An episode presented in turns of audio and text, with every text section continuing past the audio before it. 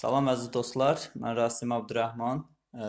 Bu gün Edu Talks proqramını başlayırıq.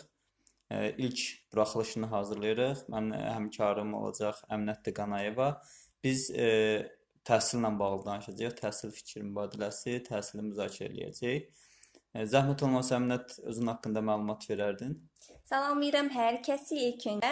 Mən Əminət Qanayeva, hal-hazırda Budapeştdə tə təhsil idarə olunması magistr tələbəsiyəm. Bakalavr təhsilimi Azərbaycanda almışam, Dillər Universitetində və İngilis dili müəllimliyi fakültəsini bitirmişəm. Hal-hazırda təhsillə bağlı araşdırmalar aparıram, təhsili dərindən öyrənməyə çalışıram. Belə bu gündən də etibarən biz editaksi aparacağıq bir yerdə. Çox gözəl. Bizim e, ilk mövzumuz e, təhsilin rostuna olan müəllimlərlə bağlıdır, müəllimlərin rifah halına bağlıdır. Sənin də araşdırma mövzun elə bu istiqamətdədir. Müəllimlərin rifah halı. Ümumiyyətcə müəllimlərin rifah halı nədir? Aha. Demək, rifah deyəndə çox geniş bir anlayışdır. Hərə bir cür ə, araşdırmalara baxsaq, bunun tərifləri çoxdur, amma ümumi götür götürdükdə müəllimlərin işdə professional rifah halı dedikdə onların emosional və fiziki cəhətdən özlərini yaxşı hiss eləmələri, işlərində motivasiyalı, motivasiyalı olmaları və tamamilə özlərini işə vermələri nəzərdə tutulur. Ümumiyyətcə müəllimlərin iş motivasiyalarının yüksək olmasına nə kömək edir məktəbdə? Bu da çox böyük mövzudur. Mən öyrəndiklərimdən və bildiklərimdən və özümdən də götürərək nümunələr deyə bilərəm. Müəllimlərin motivasiya edən həm daxili hallar olur, həm də xarici faktorlar olur ki, onları motivasiyalı eləyir. Daxili faktorlar dedikdə onların öz işlərinə nə dərəcədə həvəsli olmaları və yaxud da ki, işlərini sevmələri nəzərdə tutulur. Həmçində ə, işlərində bir şeyə nail olmaları, buna nailiyyət hissi də deyirik, bu nəzərdə tutulur. Amma mən əsasən xarici faktorlara fokuslandığımdan bundan daha geniş danışa bilərəm. Xarici faktorlar dedikdə onların iş və həyat balansları nəzərdə tutulur. Nə qədər vaxtları var özləri üçün və günün neçə saatını işə həsr edirlər. Bu budur. Digərsi işlərindən məmnuniyyətdir. İşlərindən məmnuniyyəti isə um, çox şey daxildir. Məsələn, bu ola bilər işdə ə, müdirləri ilə və iş yoldaşları ilə olan münasibət nə dərəcədə sağlam bir münasibətlər münasibətləri var. Həmçinin valideynlərlə, şagirdlərlə olan münasibətləri buna təsir edir. Bundan başqa resurslar ola bilər. Bunlar həm həmçinin personal şəxsi resurslar deyirlər. Həmçində fiziki onların dərs keçməsi üçün lazım olan resurslar nəzərdə tuturuq.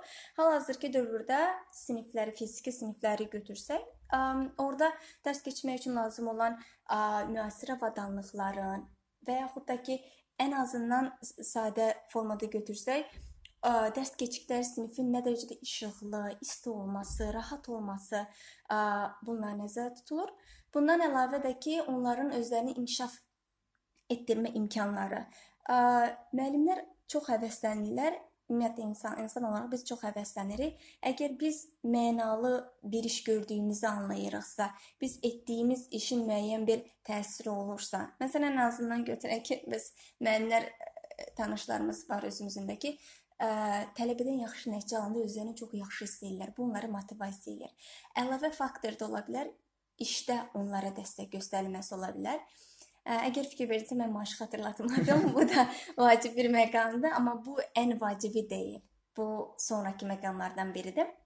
Belə bu faktorlar ə, ərazilərdən, bölgələrdən və ölkələrdən ölkələrə də dəyişə bilər. Məsələn, bəzi ölkələrdə ola bilər ki, həddindən çox əlavə ə, işlərin olması, paperwork deyirik. Bu sənədləşmə işləri və yaxud da ki, ə, belə deyək, ümumi məktəblə bağlı əlavə işlər ola bilər ki, onların motivasiyasına təsir eləyə bilər.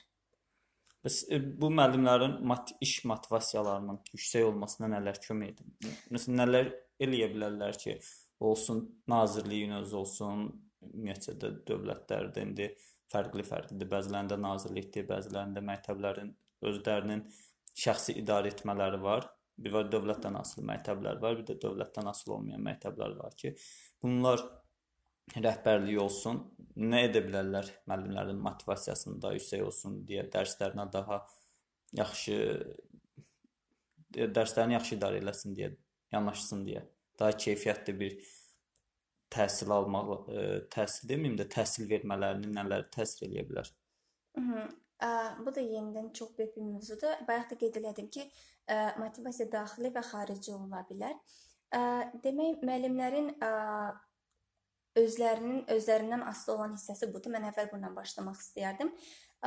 Özlərindən asılı olan hissə budur ki, araşdırmalar da göstərir ki, bir çox hallarda müəllimlər özləri stressli və yaxud da tükənmiş olduqlarını hiss edə bilmirlər.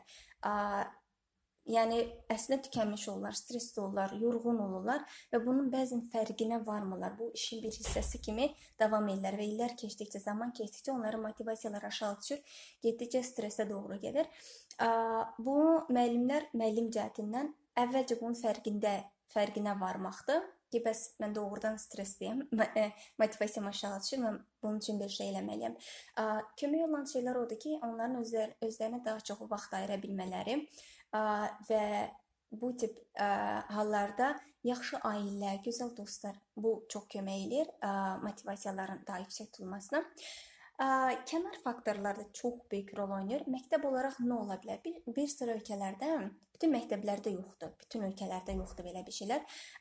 Professional öyrənmə belə deyək, komitələri olur, belə deyək də, cəmiyyətlər olur. Professional öyrənmə cəmiyyəti dedikdə nə nəzərdə tutulur? Bunun çox xüsusi bir şey yoxdur. Özün də bilirsən ki, ə, məktəblərdə dərs arası bir çox müəllimlərin vaxtı olur.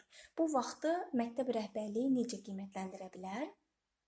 Ki, ə, müəllimləri bilirsən ki, bəs ə, stresli eləyən faktorlardan biri də bəzən olur ki, ə, dərslərdə uğursuzluq olur, yaxud da ki, tələbələr cəhətdən stres olur, müəllimlərin motivasiyasını aşağı salır. Bundan sonra bu professional öyrənmə cəmiyyəti dediyimiz professional learning community çox kömək edir. Bu nədir deməli? Bəzi ölkələrdə müəyyən saatlar olur. Məsəl üçün 1 saat ayırırlar və ya da 2 saat vaxt ayırırlar. Bu saatda məktəbdə nə olur? Məktəb rəhbərliyi, məktəbin digər heyəti, eləcə də müəllimlər bir yerdə fikir mübadiləsi aparırlar. Bir-birlərinə söhbət edirlər. Bu zaman mövcud olan problemləri bir-birinə müzakirə edirlər. Məsələn, bir müəllim deyə bilər ki, mənim bu dərslə bağlı müəyyən bir problemim var. Siz nə düşünürsüz? Siz necə həll edirsiniz bu problemi? Qarşılıqlı müzakirə nəticəsində dəstək ola bilərlər. Bu zaman onlar müəyyən bir problemi müzakirə eləyirlər, bir yerdə həll yolu tapırlar və belə deyək, nəticəsində bir yerdə qatlanırlar. Və yaxud da ki, sən müəllimsən, nəsə bir uğursuz olmayıb bizim bir yerdə müzakirəmiz nəticəsində bu sənin üzərinə düşmür ki, "A, sən elədin, sən uğursuzsan" və yaxud da ki, müəllim özü də hiss edə bilər ki, "A, mən bacarmadım." Amma bu ki, məsuliyyətin bölüşdürülməsi olur, nəticənin bölüşdürülməsi olur. Bu çox köməkli müəllimlərə. Bu nəinki fikir mübadiləsi, həmçinin müəllimlərin professional inkişafına kömək eləyir. Müəllimlər dəstək görəndə, məktəb rəhbərliyindən dəstək görəndə, digər müəllimlərdən dəstək görəndə özlərini çox yaxşı hiss eləyirlər və bu da onların motivasiyalı olmalarına səbəb olur. Çox gözəl. Bir də ümumiyyətcə müəllimləri necə deyim, stress və tükənmişliklərini, yəni necə ola bilər də, yəni bu təsiri necə təsir müəllim stressli və tükənmişlik hiss edir. Bunu tükənmişlik sendromu deyirlər. Əgər bu müəllimdə stress və tükənmişlik sendromu varsa, bu onun keçdiyi dərsə, ümumiyyətcə onun məktəbə, yəni təsirləri necə ola bilər, nələr ola bilər? Aha. Bu təsirlərdə əslində mən yenə müəllimdən başlamaq istərdim. Bir neçə formalarda olur. Bu birinci ilk olaraq fiziki olaraq başlamaq istərdim. Fiziki olaraq odur ki, müəllimdə müəyyən bir ə, baş ağrıları başlayır. Sonra müəllimlər çox ə, belə deyim, dərs buraxmağa başlayırlar və yaxud da ki, dərsə gəlməməyə başlayırlar fiziki olaraq. Başqa bir ola bilər ki, bu müəllimlərdə ürək damar problemlərinin yaranmasına, sağlamlıqla bağlı bu problemlərin yaranması səbəb olur. Dərsə gəldikdə isə performansa gəldik, təbii ki, bu şagirdlərə birbaşa təsir eləyir. Çünki stressli olan müəllim, tükənmiş olan müəllim dərsə fokuslana bilmir. Mental olaraq fiziki olaraq dərsə gəlsə də mental olaraq dərsə fokuslana bilmir və bu da şagirdlərin ə, nəticələrinin aşağı düşməsinə səbəb olur. Ə, bu formada özünü göstərə bilər. Və misal üçün ə, siz dediniz ə, ki, yəni maaş o qədər təsir eləmir. Yəni motivasiyalı olmalarına, yəni maaşı yüksək olur. Məsələn biz eşidirdik də məktəblərdə istəd olub ki, müəllim deyir ki, onsuz da mən oxusanız da oxumasanız da yəni aylığımı alacağam, pulumu alıram da. Yəni bu hallarda, yəni bu maaşın təsiri var bunu deməyinə, yoxsa müəllimin özünün həvəsi, motivasiyası yoxdur ki, uşaqları öyrətsin. Bu necə ola bilər? Yəni bu söz deyir ki, onsuz da mən maaşımı alacağam, siz oxusanız da, oxumasanız da. Mən istəyirəm ki, məsələn, müəllim daha həvəsli olsun ki, hansı ki, öyrətməyə bu sözü yox deməsin ki. Yəni öyrətməyə hansı yanaşma eləyə bilər ki? Ə, çox maraqlı sualdır. Ə, müəllimlərin bu sözü deməsi. Əvvəl deyim ki, maaş heç təsir eləmir deyil. Maaş da vacibdir, amma maaş ən vacibi deyil. Bu birincisi. İkincisi, ə, bayaqdan saydığım faktorlar kömək edir və əlavə bir şey də deyim. Müəllimlərin dərsə yanaşması. Müəllim əgər bu sözü deyən müəllim onu fikirləşir ki, mən öz vəzifəmi elədim, dərsi keçdim və salam, bu mənim işimdir. Bu müəllimin müəllimliyə qarşı olan düşüncə tərzidir, fikridir. Müəllim burada fikirləşir ki, mən mənim vəzifəm dərsi keçməkdir və digər hissəsi məni maraqlandırmır. Bu belə bir şeydir ki, hal-hazırda fərqli-fərqli yanaşdırmalar var dərs keçməyə. Düşüncə tərzləri var dərs keçmə metodları var, dərsə qarşı düşünmə tərzləri var. Məsəl üçün əvvəldən ənənəvi siniflərdə belədir ki, ənənəvi düşüncə tərzi olan müəllim belə deyim ki, dərs keçməni sadəcə bir informasiyanı mən çatdırdım, burada bitdim. Bundan digər qalan hissəsi məni maraqlandırmır kimi yanaşmadır. Bu yanaşmanı bir qədər dəyişmək, müəllimlərdə olan bu yanaşmanı dəyişmək təhsilə çox kömək edə bilər. Müəllimlər əgər anlasalar ki, bilsələr ki, onların dərsi sadəcə dərs keçməklə, müəyyən bir informasiyanı çatdırmaqla yekunlaşmır, o zaman onlar bu cümləni heç vaxt qurmayacaqlar. Və bunun üçün də bu düşüncə tərzlərinin dəyişdirilməsi üçün də müəllimlər arasında daimi olaraq professional inkişaf olmalıdır. Müəllim professional inkişaf eləsə, o başa düşəcək ki, onun vəzifəsi bu məlumatı çatdırmaq deyil. Onun vəzifəsi bu verdiyi məlumatın şagirdə şagirdin anlanmasıdır, şagirdin bu məlumatı istifadə edə bilməsidir, şagirdin dərsə həvəsinin qaldırılmasıdır. Avtomatik müəllim o söz deyəndə ki, bəs mən keçdim, mən maaşımı onsuz alıram. Bu deməkdir ki, yəni ə, siz istəsəz oxuyun, istəməsəz oxuyun, mənim üçün fərq eləmir. Bu mənim üçün fərq eləməlidir. Mütləq şəkildə. O şagirdi şagirdin ə, motivasiyasını, marağını, həvəsini dərsə qaldırmalıdır bu bir ə, və bu burada ə, tükənməməlidir ə, yanaşma tərzi.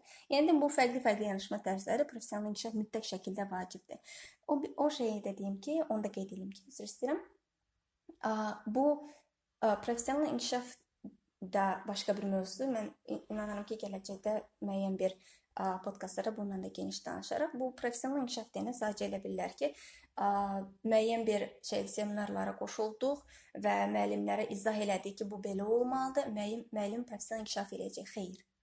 Kənardan nə qədər onlara müəyyən bir şeylərin bu formada deyil, başqa formada olmasını izah eləsələr də, müəllim onu tam qavramırsa, tam özünükləşdirmirsə, onu heç vaxt istifadə eləməyəcək. Tam o məlumatı qavrayıb, anlayıb istifadə eləməsi üçün isə bayaq dediyim kimi digər müəllimlər arasında daimi olaraq fikir mübadiləsinin aparılması və professional inkişafın təkcə individual səviyyədə deyil, həmçinin qrup, məktəb səviyyəsində təmin olunmalıdır. Bir də maaş məsələsinə yenə mən qayıdım. Əgər maaşım yüksəkdirsə, məsəl üçün məni qane edir də müəllim kimi. Amma mənim motivasiyam aşağıdır da. Yəni başqa mən nə etməliyəm ki, məsələn ma maaşı qane edir. This is ma this dediniz ki, ma maaş o qədər də şey deyil də, yəni motivasiyaya təsir eləmir çox. Yəni təsir eləyir, amma çox təsir eləmir. Digər məsələlər o, yəni əsas orada e, dediyiniz var idi. Onun həmkarları, müdiriyyət, bunlar təsir eləyir motivasiyaya. Maaş da təsir eləyir. Bəs maaş yüksək olub motivasiya aşağı olsa? Elə a, dediyim kimi, bayaq qeyd elədim ki, burada başqa emosional tərəflər olmalıdır. Maaş hissəsi bu maliyyə tərəfidir. Bu icebergin yalnız üzdə olan və görünən tərəfidir. Amma bunun digər emosional hissələri var. Sənin dərsə emosional bağlılığın yoxdursa, sənin bir məktəbə emosional bağlılığın yoxdursa, maaş 1000 manat da olsa mən orada yaxşı işləməyəcəm. Burada müəllimləri heç bir şəkildə tam olaraq qınaya və ya da günahlandıra bilmərik.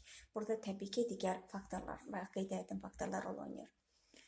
Ha, çox gözəl. Onda e, sonuncu bir sual verək və söhbətimizi yekunlaşdıraq. Ümumiyyətcə bu rifah halını müəllimlərdə Azərbaycanda götürək də.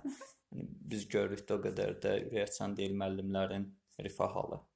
Yəni belə özümüz də məktəbdə olmuşuq, şagird olmuşuq. İndən belə hansı işləri görülə bilər? Məktəb nazirlik tərəfi, ondan sonra bunun deyək də maarif tərəfi, ondan sonra məktəblərdə müdiriyyət tərəfi, direktorlar tərəfindən bütün kompleks olaraq tək bir-iki müəllim üçün yox, bütün direktorundan tut bütün müəllimlərə qədər hansı yəni addımlar atıla bilər ki, belə daha motivasiyalı olsun.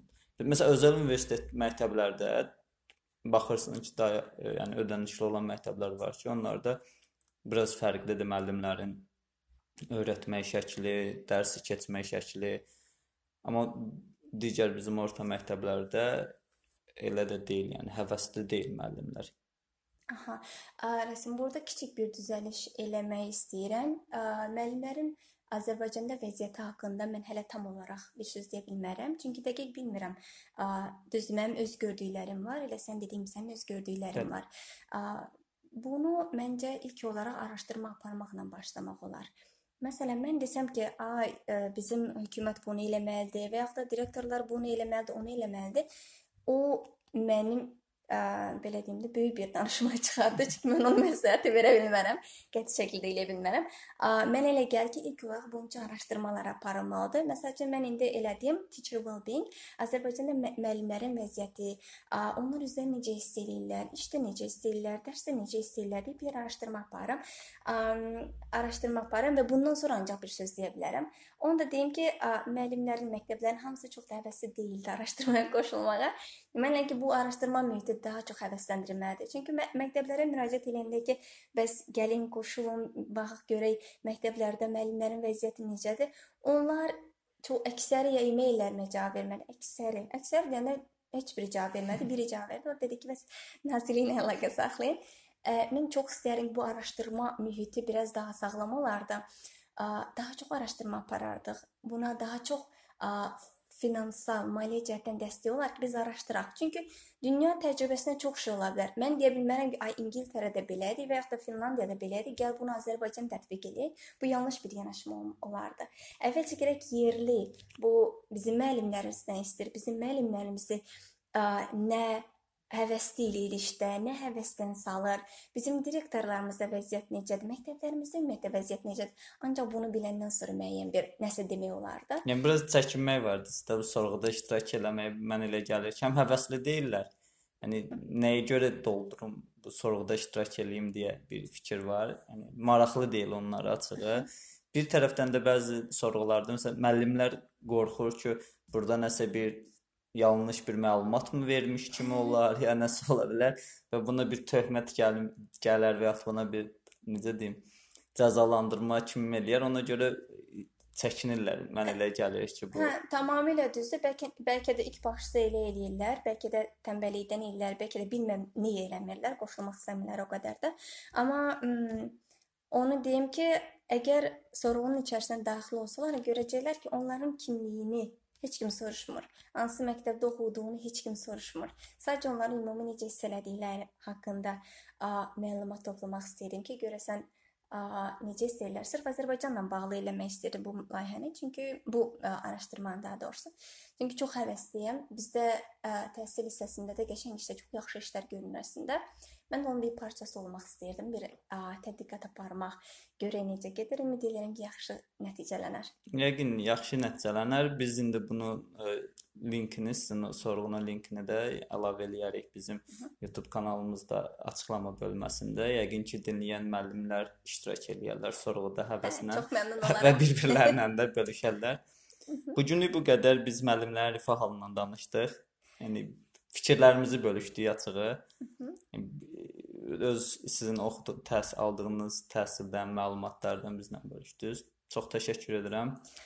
Və ə, ümid edirəm ki, bizi dinləyən təhsillə əlaqəli bütün insanlar, təkcə müəllimlər deyil, valideynlər ola bilər, şagirdlər ola bilər, direktorlar ola bilər, təhsil işçiləri ola bilər. Hər kəsin fikirləri mənim üçün çox maraqlıdır. Çünki mənə daha çox Azərbaycan öyrənmək, Azərbaycanda insanların fikirlərini bilmək çox maraqlıdır. Ümumi kənardan fikir bildirmək hər rahatdır. Bu bir növ fərziyyədir. Fərziyyə əsasən heç bir fikir yürütmək istəmirəm. Ona görə ə, fikirləriniz həmişə maraqlıdır və önəmlidir. Gələn Çəkinməyin. gələn mövzularda görüşünü də